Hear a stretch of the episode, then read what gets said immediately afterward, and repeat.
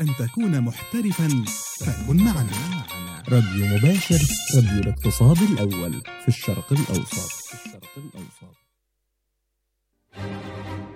طب دلوقتي السهم نازل وبيخسر والشركة محققة أرباح. أفهم أنا إيه من الموضوع ده؟ أبيع ولا أشتري ولا أسأل مين؟ اسأل عمرو الألفي عن كل حاجة تخص الشركات والميزانيات والتحليل المالي. في برنامج مع الألفي على راديو مباشر راديو الاقتصاد الأول في الشرق الأوسط. تابعوه الثلاثاء من كل أسبوع من السادسة وحتى السابعة مساء بتوقيت القاهرة.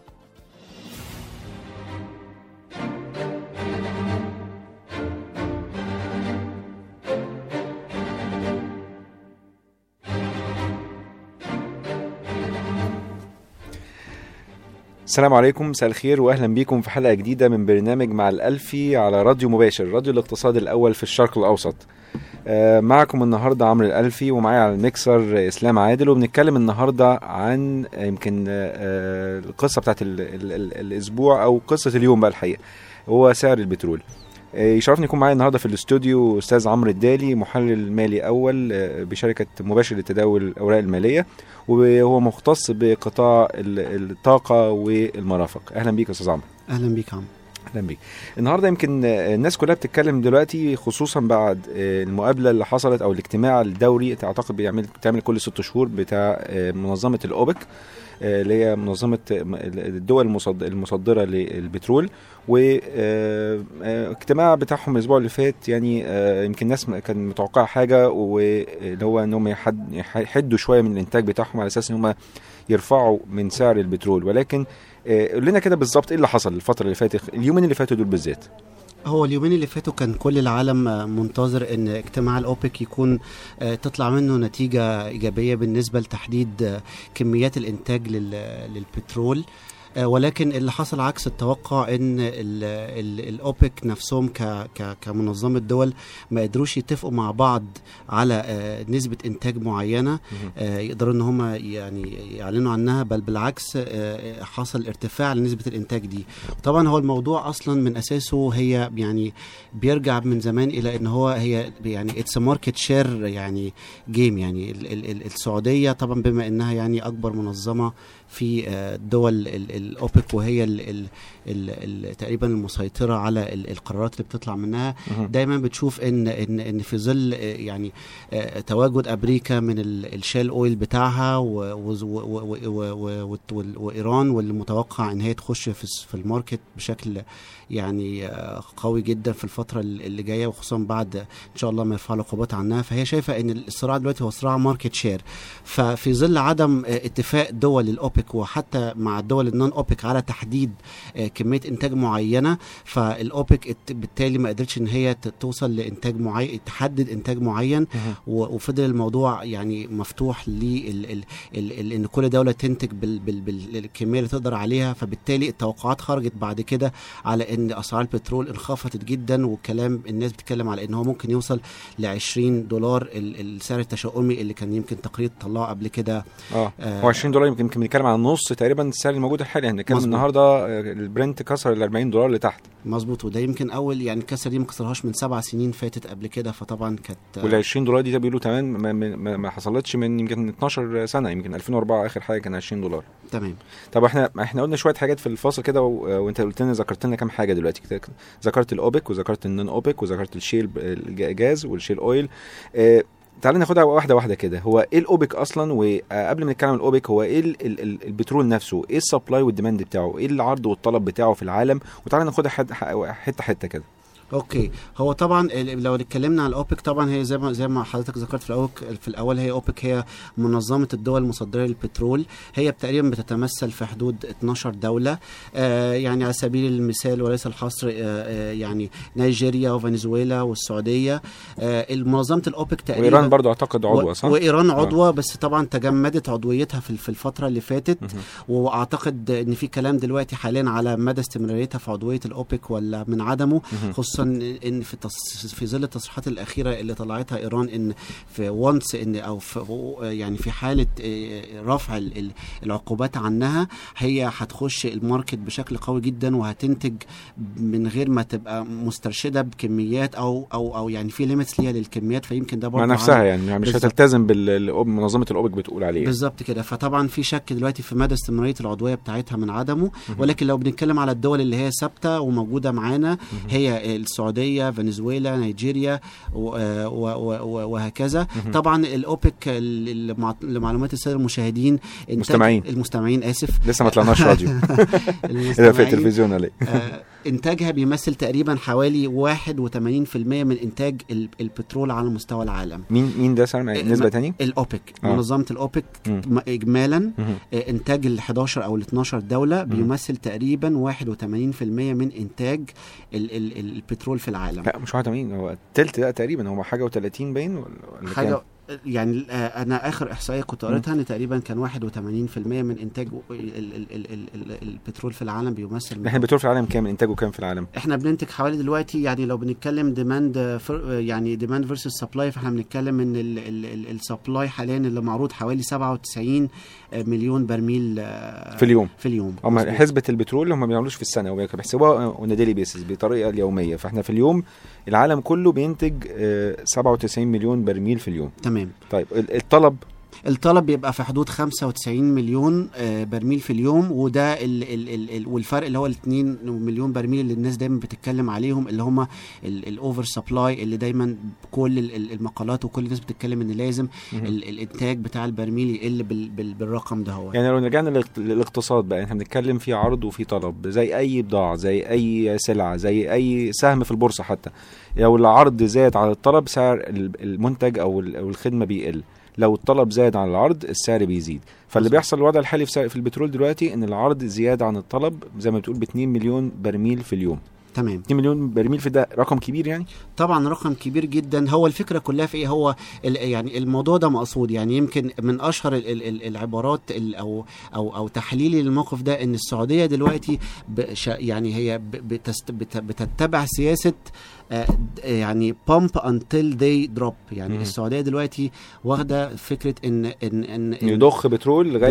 مين اللي يقع بقى بالظبط الدول اللي هي آه بالنسبة مش لك السعر مش السعر لا الدول بالنسبة. لها اللي هي بتمثل آه، مشكلة زي أمريكا وزي إيران لأن هي شايفة إن طبعا الشال أويل اللي بي- بينتج من أمريكا ده بيمثل خطر على تواجد منظمة الأوبك أو أو أو هيمنة منظمة الأوبك وتحديدا السعودية على أسعار البترول. آه وبرضو تواجد إيران في في السوق آه بشكل رسمي بعد بعد رفع العقوبات برضو هيمثل آه، خطر جامد وخصوصا إن إيران يعني متوقع إن هي تبيع بأسعار تنافسية.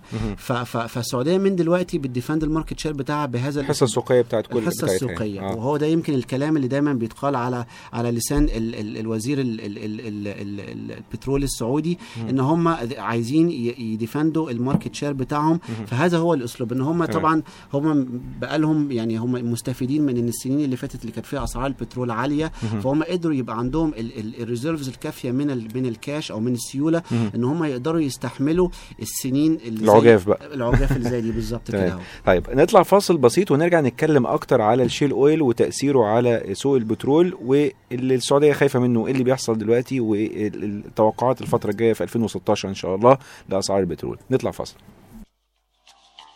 نفسك في إيه يعني؟ وما تقوليش كمان عشان هقفش عليك. نفسي أسمع مزيكا كده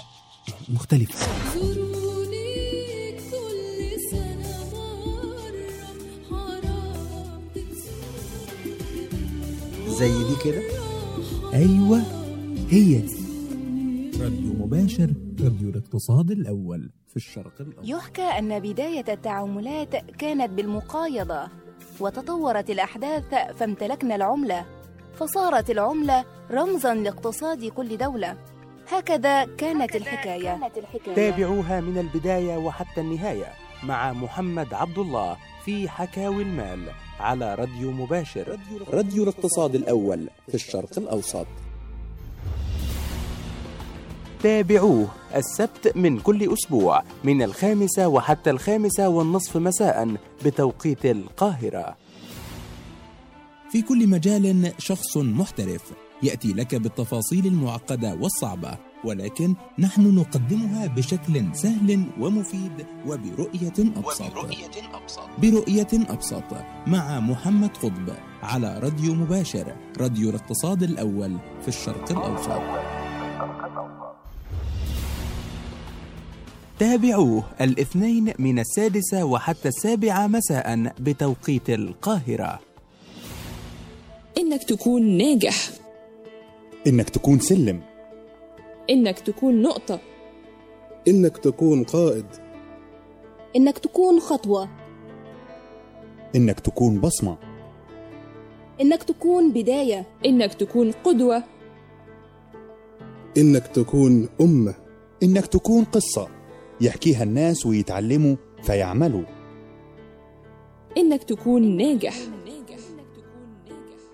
إنك تكون ناجح مع مصطفى خضر على راديو مباشر راديو الاقتصاد الأول في الشرق الأوسط. تابعوه الاثنين والأربعاء من الثامنة وحتى التاسعة مساء بتوقيت القاهرة. تستمعون الآن إلى مع الألفي على راديو مباشر راديو الاقتصاد الأول في الشرق الأوسط.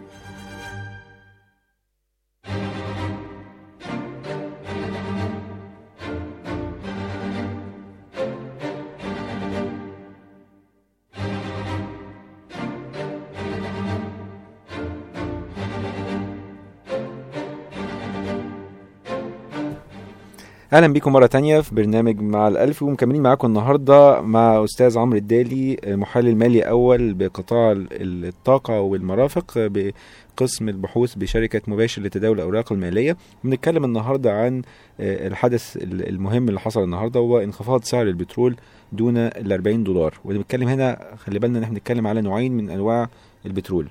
آه، عمرو إحنا بنتكلم على النهارده البرنت نزل تحت ال 40 دولار. مظبوط. لكن قبل كده الويست تكساس اللي هو غرب تكساس أو المتوسط الوسيط اسمه؟ لا، مظبوط الوسط الوسيط اللي هو بتاع غرب تكساس نازل already كان ب 37 دولار وتحت ال 40 دولار. بس طبعا يهمنا إحنا أكتر كدول عربية سعر البرنت.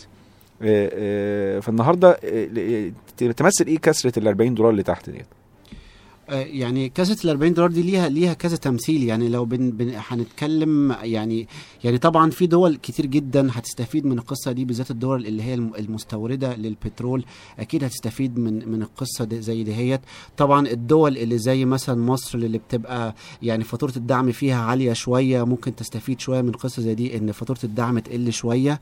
آم، آم، دول زي الصين أمريكا برضو من الدول ال- ال- المفروض إنها تستفيد من من موضوع زي ده لأن هم من أكبر الدول اللي بيستوردوا آه، في العالم. ولكن برضو من الناحية الثانية برضو في ظل يعني تباطؤ النمو ال- ال- العالمي وتباطؤ معدلات النمو بالنسبة للصين برضو مش مش قادرين نقدر إن إحنا نحدد القصة دي. بس عموما المستفيد الأول للموضوع ده هو الدول المستوردة مينلي للبترول والناحية الثانية بقى مين اللي هيتضرر أكتر؟ المصدرين أكيد أو المنتجين بقى. بالظبط آه. جدا. هي ما هي دلوقتي الجيم دلوقتي مين هيقدر يستمر أكتر؟ مين. نفسه طويل. بالظبط كده. آه. السعودية من أول الناس المضرورة برغم إن هي أول الناس اللي بتاخد ال ال القيادة في إن هي ت- ت- تدفع بإنتاج أعلى وتزود ال supply في ال market إلى إن زي ما زي ما حضرتك قلت هو مين اللي هيكون نفسه أطول في إن هو يستمر في الصراع على الحفاظ على ال- ال market share هو على فكرة هو الدولار آه، sorry الدولار. يعني الدولار والبترول هما الاثنين بيتكلموا الناس كلها بتتكلم عليها النهارده في الاقتصاد العالمي لكن النهارده بنتكلم على البترول. البترول يمكن برنت كسر ال 40 تحت ولكن من خلال خلال الكام آه، آه، يمكن الساعة والساعة الساعتين اللي فاتوا رجع تاني وارتفع فوق ال 40 دولار بنتكلم دلوقتي على 41 دولار تقريبا. آه، ولكن هو طبعا زي ما حضرتك تفضلت وقلت إن هو في دلالة إن هو نزول ال 40 دولار دوت ابتدينا نشوف على الإنترنت دلوقتي الناس بيتكلموا على انه يوصل تاني ل 20 دولار اللي كان وصلها من 2004 تقريبا. آه، فإحنا دلوقتي النفس الطويل دوت أو يعني سياسة النفس الطويل. إحنا عارفين إن إحنا المملكة العربية السعودية آه، في بنقول بقى السنين اللي فاتت اللي هي السنين اللي كانت اسعار البترول بتوصل فوق ال 100 دولار وفضلت ثابتة شوية. آه، قدرت تجمع reserves يمكن فاقت ال- حوالي 700 مليار دولار. إحنا دلوقتي بنتكلم ان ال reserves ابتدت تقل طبعا لأن في عجز موازنة في بيبتدوا يصرفوا ويكملوا صرف نزلت حوالي 600 وشوية آه، كان في كلام برضو كان في آه، اتقال إن السعودية مش هتقدر تكمل بال- بالوضع دوت لسنوات كتيرة آه، أنت شايف ان البترول هيفضل مستمر في النزول دوت أو هيفضل يعني في هذه المستويات المتدنية لفترة قد إيه؟ والله هو ال- ال- ال- الفكرة كلها زي ما حضرتك ذكرت آه، زي ما حضرتك ذكرت موضوع ال- السعودية آه، آه، هي الفكرة كلها إن برضو الجدير بالذكر إن إحنا لازم نبقى فاهمين إن السعودية كال budget بالنسبة للدولة عشان ما تبقاش فيها deficit أو عجز لازم يكون سعر البرميل البترول بيتراوح في حدود 104 دولار للبرميل. فإحنا بنتكلم إن إن إن إن, إن طبعا اللي بيحصل ده آه، طبعا يعني مما شك فيه إن هو عليه ضرر جامد للس- للسعودية. ال- ال- ال- الفكرة كلها هيقدر يوصل لقد إيه؟ إحنا يعني هي يعني هي في الآخر لعبة. لو قدرت دول ال- المنظ... دول الأوب... أعضاء الأوبك والدول الغير الغير أعضاء إن هم يقعدوا ويقدروا يوصلوا ل... ل... ل... لحل وسط لكميات أو أو العدد اللي, اللي ينتج في... من البراميل ويبقى كل حصة دو... كل دولة حصتها معروفة. أعتقد من هنا نقدر نشوف يعني رجوع تاني في, في ارتفاع الأسعار ال- ال- لسعر البريميل إنما في ظل عدم وجود أي اتفاق وتجاهل تام من جميع دول ال بما فيهم نفسهم مع الدول الغير أعضاء إن هم يوصلوا لاتفاق فهنفضل نشوف المسلسل ده. آه، ويمكن حتى ال technical chart بتتكلم برضو إن ال- ال- الموضوع يعني بيتوقعوا إن النزول برضو حاد في ويقدر يوصل يعني لمستويات ال 30 آه، دولار زي ما كان حصل قبل كده لأن برضو يعني هي هي في الآخر هي في الآخر game يا عمرو زي ما إحنا بنتكلم. ومش محدش يقدر يتنبأ يعني هل هو يقدر يوصل لل 20 دولار ولا لأ. يمكن آه، بذكر ال- ال- الفصل اللي فات إحنا كنت بتتكلم على الأوبك بتمثل 81% يمكن هو لأ هي بتمثل 81% من ال reserves مظبوط. مش من الإنتاج. إحنا الإنتاج حوالي حاجة و30 مليون برميل في اليوم مقارنة. بالإنتاج للأوبك. مقارنة بالإنتاج ال- ال- العالمي اللي هو بنقول دلوقتي حوالي 97 آه، وصل لحوالي 97 مليون برميل في اليوم. تمام. لكن ال reserves الموجودة يمكن اللي هو دي كانت فترة أعتقد في دول برضو عمالة تخزن البترول آه، يوصل لحوالي تريليون وأربعة من عشرة تقريبا تريليون, تريليون ونص برميل. تمام. فالاوبك ساعتها هنا بتمثل حوالي 81% منهم. يعني والاوبك دي تاني بذكرهم هم الجزائر انجولا الإكوادور آه، ليبيا الكويت آه، قطر نيجيريا السعودية طبعا آه، آه، الإمارات فنزويلا.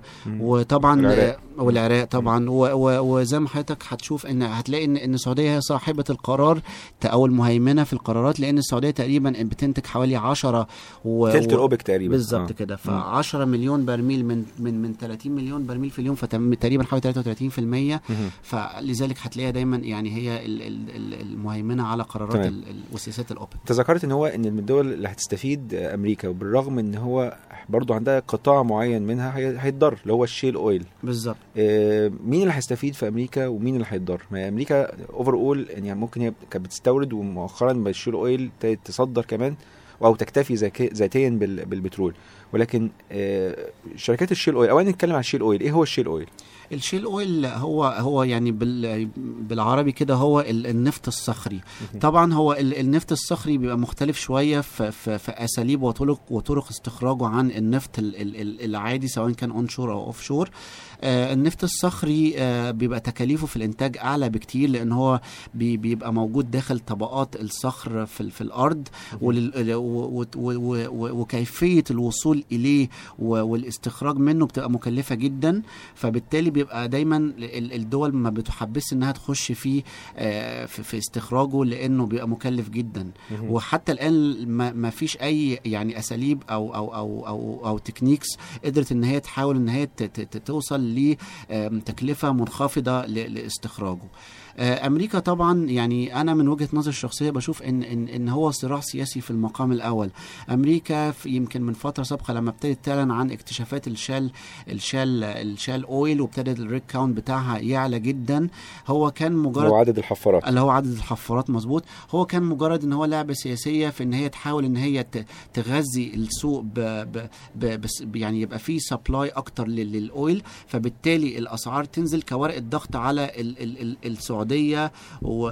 وروسيا في وقتها لأن لأن هم من وجهة نظرهم شايفين إن بلد زي السعودية وروسيا في المقام الأول اقتصادها وميزان وميزانيتها قايمة بنسبة يمكن 90% من الميزانية بتاعتها ايرادات إيرادات الميزانية بتيجي من آه، يعني صادرات ال- البترول فكان آم، من وجهة نظري إن هي كانت لعبة سياسية ولكن طبعا مع مرور الوقت واستمرار السعودية وتمسكها بإن هي آه، يعني تحافظ على ال market share ويعني وما تنتبهش للموضوع ده وتفضل إن هي تزود في الإنتاج ابتدت تدريجيا إنها تنجح في إن هي تضغط تاني على أمريكا وإن هي تبتدي إن هي أمريكا تتراجع في انت- ال- الإنتاج أو أو أو أو يعني دعم الإنتاج من من ال shale oil. تمام. ف أنا متفق معاك تماما إن الحتة اللي هو ال geopolitical أو الجيوسياسي الوضع الجيوسياسي وإن ده ضغط سياسي برضو. يمكن السعودية آه، يمكن اتعلمت من المرة اللي فاتت من انه لما البترول سعره نزل وقللوا الإنتاج اللي حصل إن الدول الأخرى هي اللي خدت market share والحصه السوقيه بتاعتها. فعشان ترجع تاني تاخد نفس الحصة السوقية دي بتاخد وقت. فهو فضلوا المرة دي إن هم عندهم ال- القوة المالية ال- أو القدرة المالية الكافية اللي هو بال reserves اللي عندهم إن هم يستحملوا سنة ولا اتنين ولا حتى ثلاثة لغاية ما الدنيا ترجع تاني. لكن سعر البترول عمره ما هيفضل بالأسعار المتدنية ديت. إحنا شفناه قبل كده وصل ل 140 دولار وصلنا وشفناه قبل كده بأقل من 20 دولار حتى. فأعتقد إن يعني آه، هو هي زي ما قلنا إن هي نظرية أو أو آه، النفس الطويل. بالنسبة لأمريكا نرجع تاني حتة أمريكا والشيل أويل. شركات الشيل أويل ممكن آه، تتأثر طبعا. في شركات هتبقى تفلس آه، شركات هت هتقلل إنتاجها. آه، من ناحية المستفيدين في أمريكا بنتكلم على المستهلك بقى في أمريكا يعني في المستهلك الأمريكاني هو اللي هيبقى عنده سعر البترول بيقل ويبتدي معنى كده إنه يبتدي يصرف. لأنه سعر البترول عند البنزين لما يجي يمون هيبقى سعره رخيص يبتدي يبقى فيه طلب أكتر كاستهلاك. آه، هو مش أمريكا بس كمان يا عمرو هو كل الدول اللي محررة سعر صرف سعر البترول مهم. زي الإمارات تحديدا على سبيل المثال في- مؤخرا السنة دي. أمريكا. الإمارات عملت كده بالظبط. فأصبح المستهلك عموما في الدول اللي, اللي, اللي رابطة أسعار البترول بالسعر العالمي هي أكثر المستفيدين كمستهلكين في, في, في الدول ديت تمام آه نطلع فاصل بسيط ونرجع نكمل كلامنا على البترول والمؤشرات الأساسية اللي إحنا بنبص عليها أو اللي أنت بقى يا عمرو بتبص عليها لما كمحلل مالي. آه لما تيجي تبص على الوضع آه العالمي للبترول بصفة عامة. تابع كل ما يخص البنوك. أخبار أسرار معلومات ومصطلحات. مع محمود ربيعي. في برنامج بانكر على راديو مباشر راديو الاقتصاد الأول في الشرق الأوسط. في الشرق الأوسط. تابعوه الأربعاء من كل أسبوع من السابعة وحتى الثامنة مساء بتوقيت القاهرة. من آخر أخبار الشركات إلى أحدث الإصدارات ومن مختلف المعارض إلى شتى السباقات. عالم من الأحصنة والمحركات عالم من المركبات. في الجراج معي أنا مهاب شريف. تابعوه الاثنين والأربعاء من الحادية عشر مساء إلى الثانية عشر بتوقيت القاهرة. مستمعينا أسعد الله صباحكم بكل الخير. هذه حلقة جديدة من برنامج المؤشر. معكم أنا صفا رجب من راديو مباشر ومعي على الهاتف السيد. يعني يبدأ السوق في حركة تصحيحيه بسيطة. عدنا إليكم من جديد. كان معنا أسهم وأسعار. تحليل ورؤى وتوقعات. أخبار وتفاصيل. نحن معك. فلكل اتجاه بوصلة. ولكل هدف طريق. ولكل طريق دليل ومؤشر. المؤشر, المؤشر. مع مي مصطفى وصفا رجب ومحمود ربيعي. من الأحد إلى الخميس على راديو مباشر راديو الاقتصاد الأول في الشرق الأوسط الشرق الأوسط. تابعوه من الأحد إلى الخميس من العاشرة صباحا وحتى الثالثة عصرا بتوقيت القاهرة. تستمعون الآن إلى مع الألفي على راديو مباشر راديو الاقتصاد الأول في الشرق الأوسط.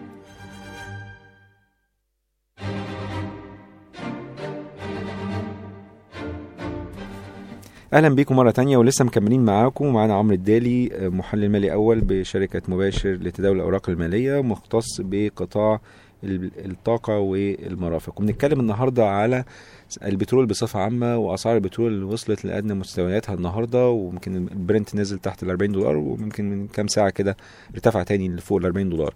ولكن ال- السؤال الشاغل دلوقتي للناس هو الدولار السنة اللي جاية في 2016 هيبقى عامل إيه؟ إيه، طبعا آه، اتكلمنا في الفصل اللي فات إنه ده انخفاضه ممكن يبقى كويس لبعض الدول ويبقى سلبي لدول أخرى. اتكلمنا على السوق الأمريكي وإن هما آه، في قطاع منهم متضرر وفي قطاع منهم مستفيد زي القطاع الاستهلاكي آه، لكن المتضرر قطاع ال- ال- البترول وال- واللي بينتجوا خصوصا الشيل أويل لأن تكلفة إنتاجهم زي ما أنت ذكرت يا عمرو آه، تكلفة إنتاجهم عالية. إيه القطاعات الأخرى؟ لو بنتكلم بقى على المنطقة بتاعتنا كمنطقة شمال أفريقيا والشرق الأوسط إيه القطاعات اللي هي هتستفيد أو هتتضرر من آه، انخفاض سعر البترول؟ طبعا هو يعني ال- ال- الموضوع ده حي من وجهة نظرنا هيسمع في كذا قطاع. يعني يمكن ال ال ال طبعا القطاعات اللي هتتضرر بشكل مباشر هي قطاعات ال- اللي هي الطاقة والبتروكيماوي- والبتروكيماويات. آه اللي بي يعني اللي هي زي مثلا ال refine اللي يعني زي بترو مثلا لو على سبيل لو خدنا أسماء مثلا أسهم آه ماري دايف في مصر مثلا. آه دول مثلا من من الأسهم اللي متوقع في القطاعات الطاقة والبتروكيماويات إنها تتأثر نتيجة طبعا إن الاثنين بيبقوا يعني المرتبطين آه، يعني تم- تماما بارتفاع وانخفاض أسعار البترول لأن انخفاض أسعار البترول مثلا لماري دايف هيبقى بيأثر سلبا عليها لأن ده معناها إن ممكن ال ال ال الإقبال على ال ال ال ال التنقيب والاستخراج على البترول يبقى ضعيف نظرا لهبوط الأسعار فبالتالي الخدمات أو ال- ال- الخدمات المساعدة. آه، لعمليات التنقيب وال- والحفر ممكن ما تبقى قليلة فبالتالي ياثر لشركة زي ماري دايف اللي أساسا بتعتمد في شغلها كله على إن هي تساعد شركات ال- أو الحفارات اللي بتشتغل في في البحر على إن هي تقدم لها خدمات مساعدة. برضو الشركات ال- التكرير آه، متوقع إن هي طبعا آه، تتأثر تأثر شديد جدا لأن ده معناها إن ال quotation بتاعتها هيكون آه، تسعيره قليل في ظل انخفاض سعر ال market فبالتالي لما تيجي تبيع المنتجات. مكررة. المكرره بالنسبة لها هيبقى أسعارها قليلة برضو من القطاعات اللي إحنا شايفينها ممكن تتأثر سلبا من انخفاض سعر البترول هو القطاع العقاري في بعض أسهمه على. سبيل المثال مثلا لو خدنا ارب تك أو دريكن سكال إحنا كنا شفنا في في السنين اللي فاتت إن في بعض الأسهم العقارية أو الشركات العقارية زي اللي ذكرتهم بيتجهوا إلى إن هم يروحوا يشتغلوا مع الشركات ال ال مش هنقول شركات عقارية بقى نقول مقاولات المقاولات آه. بالظبط آه. قطاع المقاولات آه. أنا آسف قطاع. المقاولات مظبوط آه إن هم يروحوا يشتغلوا في هذا ال ال gas. oil آه. and gas عشان يعززوا من ال- ال- ال margins بتاعتهم لأن ال margins على اللي أنا أتذكره ال margins بتاعت قطاع ال oil and gas أعلى بكتير يعني لو خدنا رسمنا الهرم بتاع ال margins مين أعلى؟ مين القطاعات الأعلى؟ آه، هامشية في الربحية. أو أعلى هامش في الربح يعني آه، ال oil and gas. تمام مظبوط. فشركات زي دي إن هي تتبع الاستراتيجية دي, دي هي وفي ظل انخفاض السعر البترول وخصوصا الشركات دي لما بتيجي بتشتغل بتشتغل تقريبا ملي مع الحكومات لأن في الخليج هنلاقي إن شغلهم كله في في في الإمارات في السعودية فالشغل كله مع الحكومات. وفي ظل انخفاض سعر البترول آه، زي ما حضرتك أكيد عارف إن الحكومات نفسها بت بت بتخفض من آه، يعني إنفاقها على المشاريع مظبوط. القومية والانفراستراكشر أو المشاريع بشكل عام فبالتالي برضو هتتأثر سلبا إن مش هتلاقي يعني إيه مشاريع كتير ممكن إنها تساهم فيها فدول دول بشكل عام أبرز القطاعات اللي ممكن تتأثر. تأثر مباشر من الانخفاض أو استمرار انخفاض. أسعار البترول طيب لو دلوقتي كمحلل مالي وتيجي تبص على بعض المؤشرات عشان هذا القطاع المهم والحيوي في مش بس في الدول المصدرة ولا المنتجة للبترول لكن في العالم كله لأن زي ما قلنا في دول بتستفيد ودول بتتضرر من انخفاض سعر البترول والعكس صحيح إيه الحاجات المؤشرات الأساسية اللي انت ممكن أو من وقت للتاني كل أسبوع مثلا بتبص عليه مش بس سعر البترول إيه تاني غير سعر البترول؟ في مؤشر مهم جدا بنحب إن إحنا دايما نبص عليه وهو التقرير ال- ال- الشهري آه، اللي بيطلع من بيكر آه، آه، هيوز. ده تقرير بي بي بيتكلم على الأعداد ال rig count أو ال- الأعداد بتاعة المنصات شهريا آه، يعني في ارتفاع أو مقارنتها شهر بشهر هل هي زادت أو قلت. فطبعا ده بيبقى بيدينا انديكيشن كويس جدا إن إحنا نعرف. لو بنتكلم إن إحنا الشهر ده مثلا عدد ال ال ال ال ال ال المنصات اللي اللي شغاله مثلا 1000 والشهر ال- اللي بعديه بقى على سبيل المثال مثلا 990 فالانخفاض ده يدينا مؤشر على إن الحركة في في في يعني الحركة أو أو فيها انخفاض وهكذا. طبعا في الفترة اللي فاتت ال ال ال ال ال ده كان مؤشر مهم لينا لأنه بيبين لأن لأن طبعا من ساعة آه، آه، انخفاض أسعار البترول وإحنا التقرير دهوت بكل شهر بيدينا آه، تقييم على إن ال rig count بتاعنا بينزل على مستوى العالم. كبراريم يعني شغالة في السوق. آه. فده من الناحية النظرية. قد يدينا مؤشر على إن ال ال ال ال ال النشاطات ال- ال oil and gas بشكل عام آه، فيها تأثر. ولكن من ناحية عملية برضو ممكن يكون ما يدين يعني يبقى يبقى معاكس شوية في في التحليل. لإن في بعض الأحيان ممكن يكون آه، آه، عدد خروج ال- ال- ال- المنصات من شهر لشهر ممكن ما يكونش تحديدا أو رئيسيا بسبب انخفاض أسعار البترول. ممكن يكون راجع لأن ال- ال- البراريم دي مثلا عمرها ال ال ال ال الافتراضي انت- انتهى أو مم. ممكن يكون وظيفتها في الوقت الحالي انتهت لأن حضرتك زي ما حضرتك عارف ان استخراج البترول بيتم عن مراحل. طريق مراحل آه. في مرحلة ال- ال- ال- ال- التنقيب والاستكشاف التنقيب وبعدين الاستخراج مم. ف- فالريكا الريجز نفسها أو البريمة دورها بينتهي عند ال ال ال التنقيب. فممكن فممكن في كتير جدا من ال ال الأبيار آه وصلت لهذه المرحلة ان هي التنقيب ولكن مش عايز تستخرج في ظل انخفاض أسعار البترول. فبتضطر إن هي تقفل على البير بتاعها والب والبريمة تبقى موجودة بره. لغاية ما سعر البترول يتحسن وتبتدي إنها تستخرج. تمام okay. آم، يبقى ده أحد المؤشرات. آه، آه، في مؤشر تاني إحنا يمكن لسه الأسبوع اللي فات كان في اجتماع الأوبك. هو الأوبك دلوقتي اعتقد بيجتمع كل ست شهور تقريبا. مظبوط. فاحنا متوقعين ال- الاجتماع الجاي إن شاء الله يبقى في شهر تقريبا ستة. مظبوط. آه، أعتقد ده برضو حاجة مهمة لأن عشان هو بيمثلوا تلت الإنتاج في العالم فأي قرار بيطلعوه مهم. ولكن الف... ال- على 2000 داخلين 2016 إيه اللي هتبقى يعني يعني بتبص عليه علشان يديك مؤشر والبترول طالع ولا نازل؟ وإحنا داخلين أول السنة 2016 يعني أكيد اللي أنا هحب أبص عليه في في في, في دخول 2016 هحب أبص على ال ال ال يعني هحب مهتم جدا إن أنا أعرف آه، يعني إيران المتوقع إن هي تخش يعني كام برميل في اليوم يخشوا لل market. آه، هبقى مهتم جدا إن أنا أشوف ال demand وال supply gap عاملة إزاي. يعني هل هيفضل مستمرين بهذا في حدود ال 2 مليون برميل آه، gap أيوة. ما بين ال demand وال supply ولا هيبقى هتقل آه، إيران مهم جدا جدا جدا إحنا مركزين معاها الفترة الجاية ونشوف هي هيبقى رد فعلها عامل إزاي فده طبعا بالإضافة إلى ال rig count اللي إحنا لسه متكلمين عليه ال report ده والقرارات اللي هتطلع من الاوبك أو عموما الأمور السياسية بشكل عام للدول زي أمريكا وزي روسيا وزي السعودية اللي هم تقريبا بيتحكموا في لعبة البترول على مستوى يعني. هنتكلم يمكن آه، شيء بالشيء, يذكر إحنا عندنا الأسبوع الجاي في اجتماع الفيدرالي الاتحاد الفيدرالي الأمريكي بنك الفيدرالي الأمريكي عشان الناس دلوقتي أعتقد متوقعة أكتر إن هو يرفع الفايدة على الدولار ويمكن آه، رفعوا الفايدة على الدولار ده معناه إن الاقتصاد الأمريكي ابتدى يتعافى وإنه آه، ده حاجة إيجابية للاقتصاد. زي ما قلت انخفاض البترول كمان معاه يبقى في استهلاك أكتر آه، في من جهة المستهلك الأمريكي لأن الاستهلاك بيمثل تقريبا فوق ال 70% من الاقتصاد الأمريكي. فالبترول برضو مش بس في منعزل أعتقد هيتأثر برضو بسعر الدولار لأن لو اتكلمنا إحنا البترول بيقيم أو بيسعر مش بيقيم بقى بيسعر بالدولار. مظبوط. فلما الدولار قيمته تزيد زي أي سلعة بقيمة مسعرة بالدولار يبقى متوقع برضو إن البترول ينزل شوية مش كده. كسعر. مظبوط.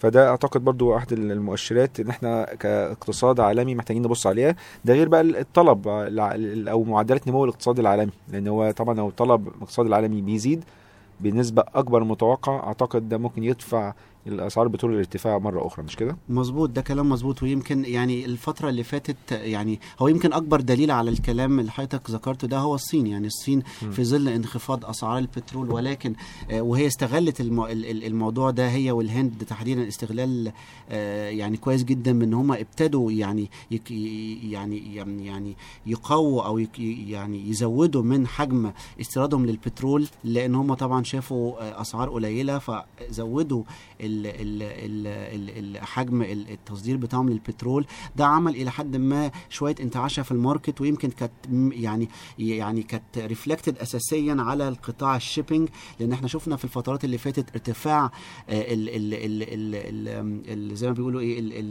ال daily rates لل container shipping أو LNG أو ال petroleum shipping نظرا لأن كان الاقبال عليها شديد جدا في الفترة اللي فاتت وكان بان ده في ال order book أو ال- ال- الطلبات على new vessels علشان نقدر إن هم يقدروا إن هم يواكبوا ال- ال- ال- الطلب ال- اللي كان شديد بشكل آه، ملحوظ من ال- الصين والهند ف ده business تاني آخر اللي هو نقل البترول بقى وال, وال... يعني اللي, بيس... اللي بيشتري البترول ده ويخزنه ما حتى ما بيستخدموش على طول. بالظبط. بي... بيحتاج tankers بنسميها اللي هو زي ال vessels دي لما بيشتري بي... بينقلوا بيها البترول.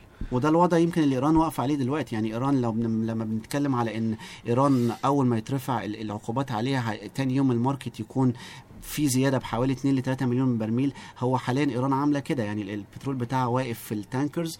آه، مستني إن آه، يعني يطلع لل market بس هي برضو إيران لو نزلت ال- البترول ده بصورة كبيرة فجأة ما هو هي هتضرب نفسها زي ما بيقولوا في رجليها بالرصاص إن هي هتبقى بتأثر على سعر البترول فبدل ما كانت هتبيع بمبلغ آه، مثلا 100 جنيه أو 100 دولار هتبيع دلوقتي بأقل من 100 دولار 100 دولار. فلأن هي بنفسها بنزولها للسوق بصورة عشوائية ممكن تأثر بالسلب على سعر ال- ال- البترول. صح كلامك مظبوط جدا. ما هو ده بقى إيه ال- ال- التشويق في الموضوع بالنسبة لنا. إن إحنا آه. هنقدر يعني إحنا هنشوف إيه اللي هيحصل في الفترة الجاية ونقدر إن إحنا نشوف بقى هل إيران هتقدر تخش بال بال بإنتاجها كله اللي موجود حاليا وتخش الجيم بقى مع السعودية ويبقى البقاء الأقوى ولا هتوصل لاتفاق مع السعودية وتحاول إن هي ت- ت- تلعب سياسة ولا إيه؟ يعني إحنا كلنا في انتظار يعني بجد طب توقعاتك لسعر البترول في 2016 آه، اتجاهه عامل إزاي؟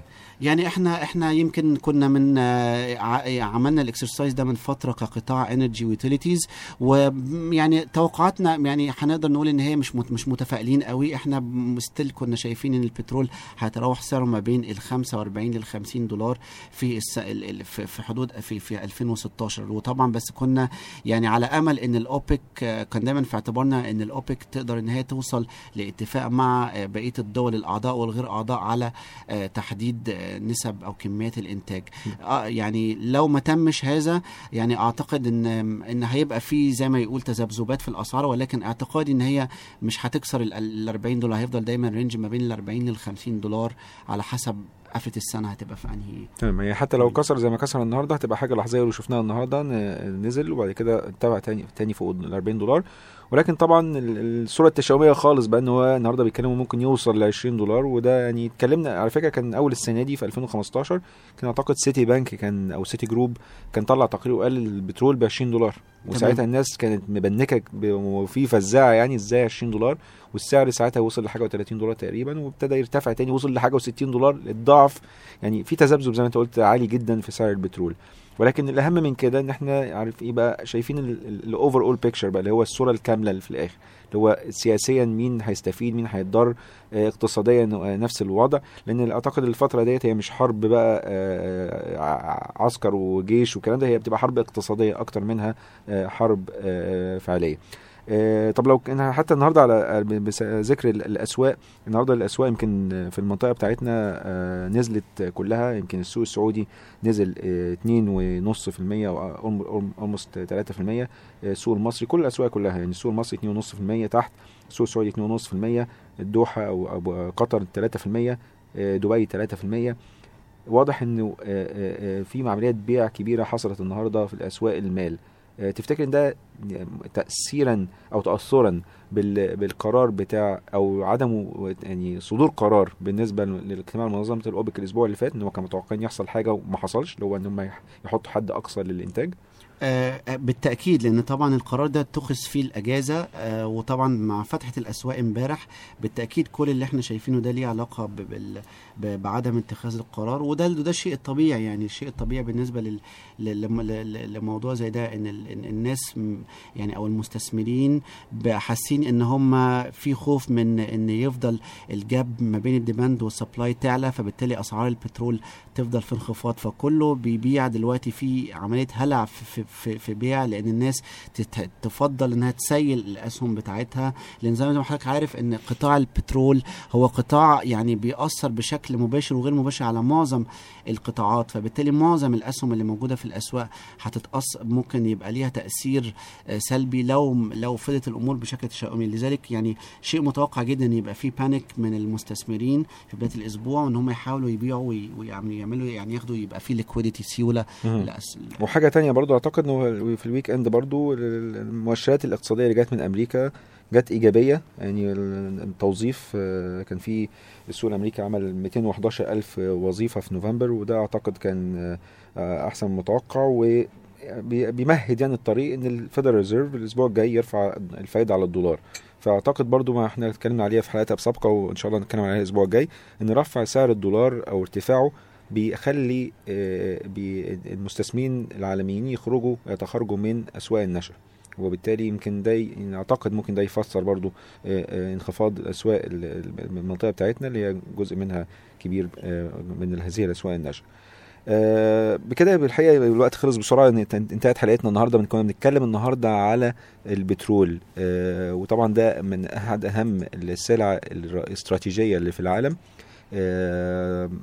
أعتقد البترول ده بيشغل سعره بيشغل بس مش بال المستثمرين العالميين وفي أمريكا لأ ده المنطقة طبعا بتاعتنا مهمة جدا مهتمين بيها جدا. شفنا انخفاضات الأسعار ال- الاسهم الأسهم النهارده بصور كبيرة في أسواقنا. شفنا آه، آه، الكلام دلوقتي التشاؤم الاكثر تشاؤما إن البترول هيوصل ل 20 دولار. مع عمرو النهارده قال لنا لأ وتوقعوا اللي هو بنتكلم من 45 دولار وأنت طالع. آه، حتى لو وصل ل 40 مش هينزل لتحت كتير هيكمل آه، يستقر تحت يعني فوق ال 40 على الأقل. آه، أعتقد إن إحنا مس- مس- مستنيين عمر نستنى بقى نشوف الوقت هو اللي زي ما بيقول time will يعني. إن إحنا نشوف بقى الوقت اللي جاي دوت نراقب المؤشرات اللي أنت قلت عليها نراقب آه، ال- ال- ال- الأوبك هتعمل إيه نراقب إيران هتعمل إيه نراقب الوضع السياسي الجيو السياسي في المنطقة هيعمل إيه لأن هو المنطقة دي جزء كبير منها بي بي هو بي- بيمثل بتمثل جزء كبير من إنتاج ال- البترول في العالم.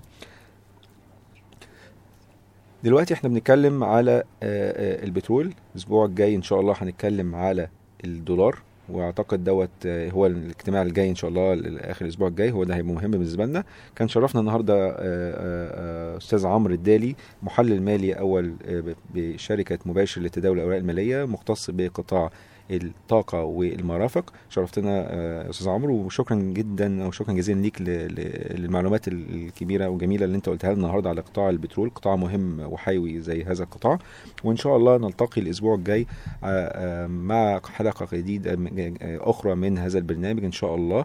نتكلم على الدولار بقى الأسبوع الجاي إن شاء الله والاجتماع المهم اللي إحنا منتظرينه للفدرالي الأمريكي.